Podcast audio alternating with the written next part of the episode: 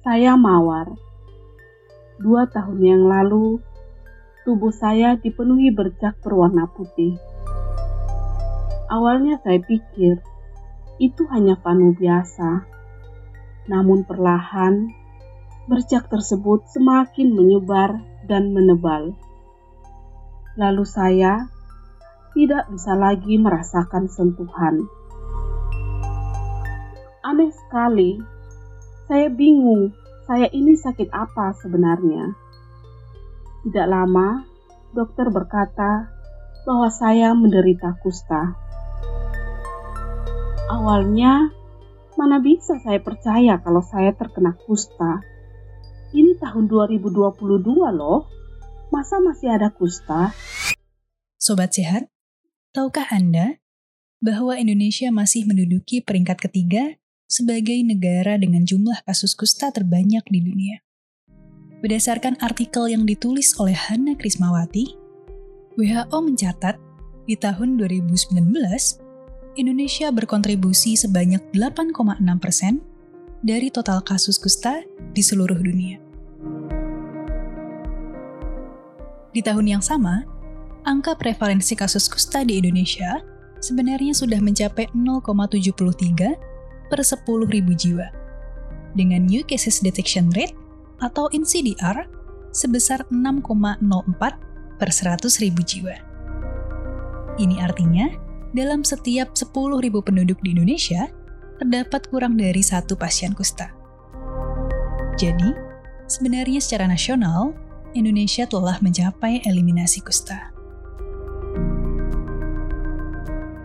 Namun, pada artikel yang sama, Krismawati juga menuliskan bahwa masih terdapat lebih dari 300 kabupaten atau kota di 17 provinsi di Indonesia yang menjadi kantong kusta.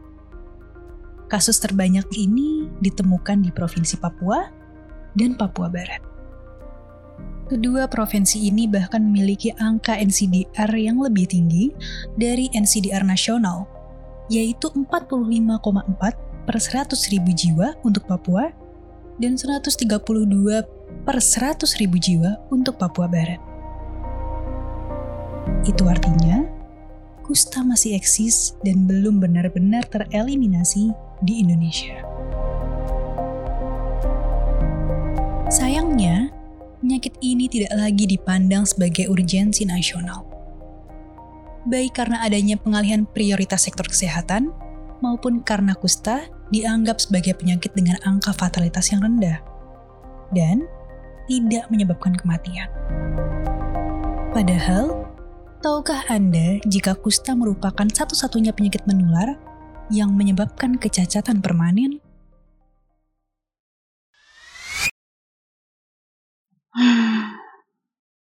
Lelah sekali rasanya jadi orang sakit. Setelah melewati berbagai macam pemeriksaan, saya masih harus minum obat program yang begitu banyak dalam waktu yang lama. Bayangkan saya harus terus minum obat setiap hari selama enam bulan. Bahkan ada pasien lain yang harus mengkonsumsi obat program selama satu tahun penuh. Dan obat ini tidak boleh berhenti loh, karena jika berhenti, maka saya harus mengulangi pengobatan dari awal.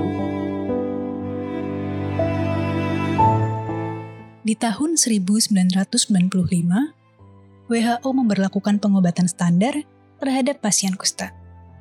Pengobatan ini disebut dengan multi-drug terapi atau yang lebih dikenal di masyarakat sebagai obat program. MDT ini merupakan gabungan dari beberapa antibiotik, yaitu rifampicin, dapson, dan clofazimin. Sayangnya, pengobatan ini cukup dilematis.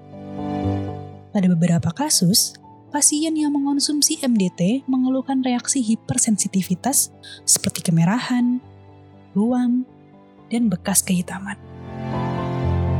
Penelitian yang dilakukan oleh Krismawati pada tahun 2022 menemukan bahwa reaksi tersebut merupakan reaksi hipersensitivitas dari obat Dapson atau dikenal sebagai Dapson Hypersensitivity Syndrome.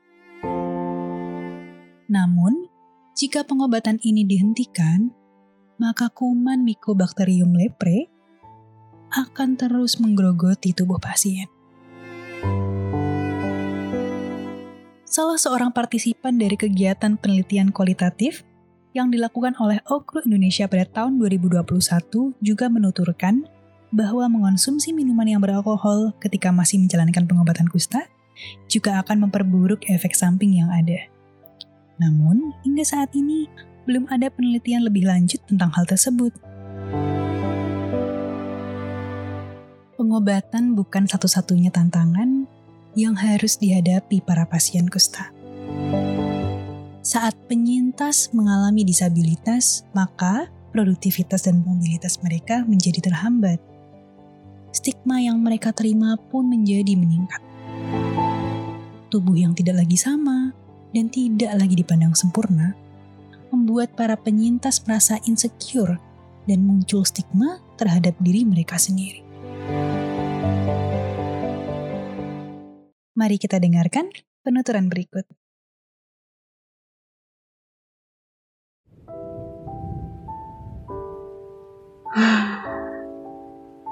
Sejak didiagnosa kusta, saya semakin jarang keluar rumah. Saya semakin stres, dan saya kehilangan rasa percaya diri. Bahkan saya pernah ingin mengakhiri hidup. Saya juga dijauhi teman-teman dan saudara lainnya. Padahal dulu, saya sering sekali nongkrong dengan teman-teman. Tetapi sejak didiagnosa kusta, saya semakin jarang bertemu mereka. Saya juga semakin jarang beribadah di gereja. Saya lebih memilih untuk beribadah atau membaca Alkitab di rumah saja. Dan stres yang berkepanjangan pun pernah membuat saya hilang kesadaran hingga dilarikan ke rumah sakit. Sobat sehat, apa yang Anda bayangkan saat Anda mendengarkan cerita tadi? Pernahkah Anda membayangkan di saat semua rencana dan cita-cita tertata rapi, tiba-tiba kusta ini hadir di tubuh Anda? Belum lagi dijauhi orang-orang terdekat, didiskriminasi ketika mengakses fasilitas kesehatan, bahkan kehilangan pekerjaan. Stigma itu adalah respon negatif terhadap uh, perbedaan manusia gitu. Uh, ini juga bisa dilihat dengan jelas dalam perilakunya. Nah, ini bisa saja muncul dalam bentuk yang lebih luas. Nah, jika uh, ini dikaitkan dengan kayak kesehatan atau penyakit kusta, uh, maka uh, kita bisa dikenal dengan stigma yang terkait dengan kondisi kesehatan atau hal related stigma. Nah, tentu saja dampaknya itu sangat besar ya, apalagi seumur hidup. Walaupun kusta itu sudah sembuh dengan pengobatan, tetapi uh, stigmanya itu belum sembuh. Karena apa? Stigma itu juga berasal dari dalam diri, yaitu stigma, self stigma dan berasal dari luar atau pihak eksternal. Jadi uh, dampaknya sangat luas dan sangat kompleks sehingga uh, tidak bisa bersosialisasi, tidak bisa uh, berkreativitas, berkarya gitu. Bahkan ketika uh, sedang mengalami uh, apa sedang menjalankan pendidikan itu sangat berdampak sehingga tidak melanjutkan pendidikan bahkan tidak bisa uh, mencari pekerjaan begitu.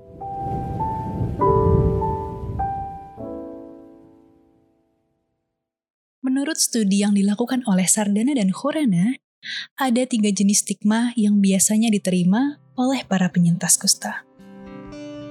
Pertama, the relative stigma. Stigma ini diterima saat Anda melihat perilaku orang-orang terdekat mulai berubah dalam memperlakukan dan memandang Anda. Kedua, self-stigma, yaitu adalah stigma di mana Anda merasa bahwa penyakit yang ada adalah akibat dari kesalahan Anda sendiri.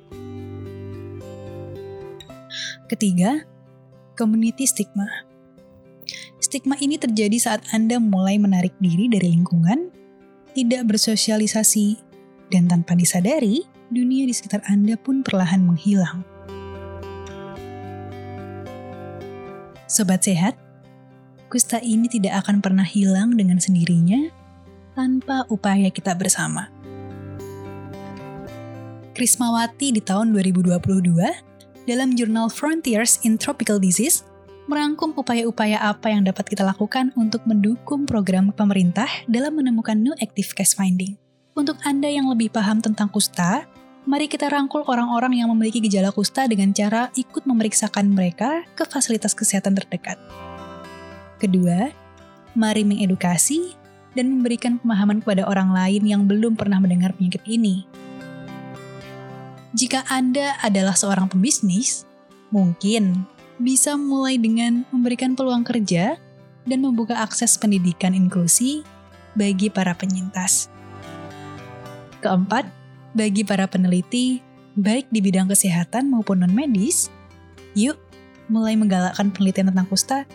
Masih banyak loh topik-topik penelitian tentang kusta di Indonesia yang bisa Anda bahas.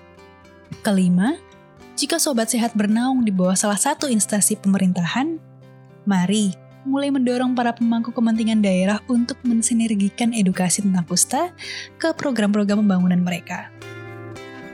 Dan yang terakhir, yang paling gampang dilakukan adalah mari mendampingi para penyintas untuk menyelesaikan pengobatan mereka secara terbuka tanpa khawatir distigmakan.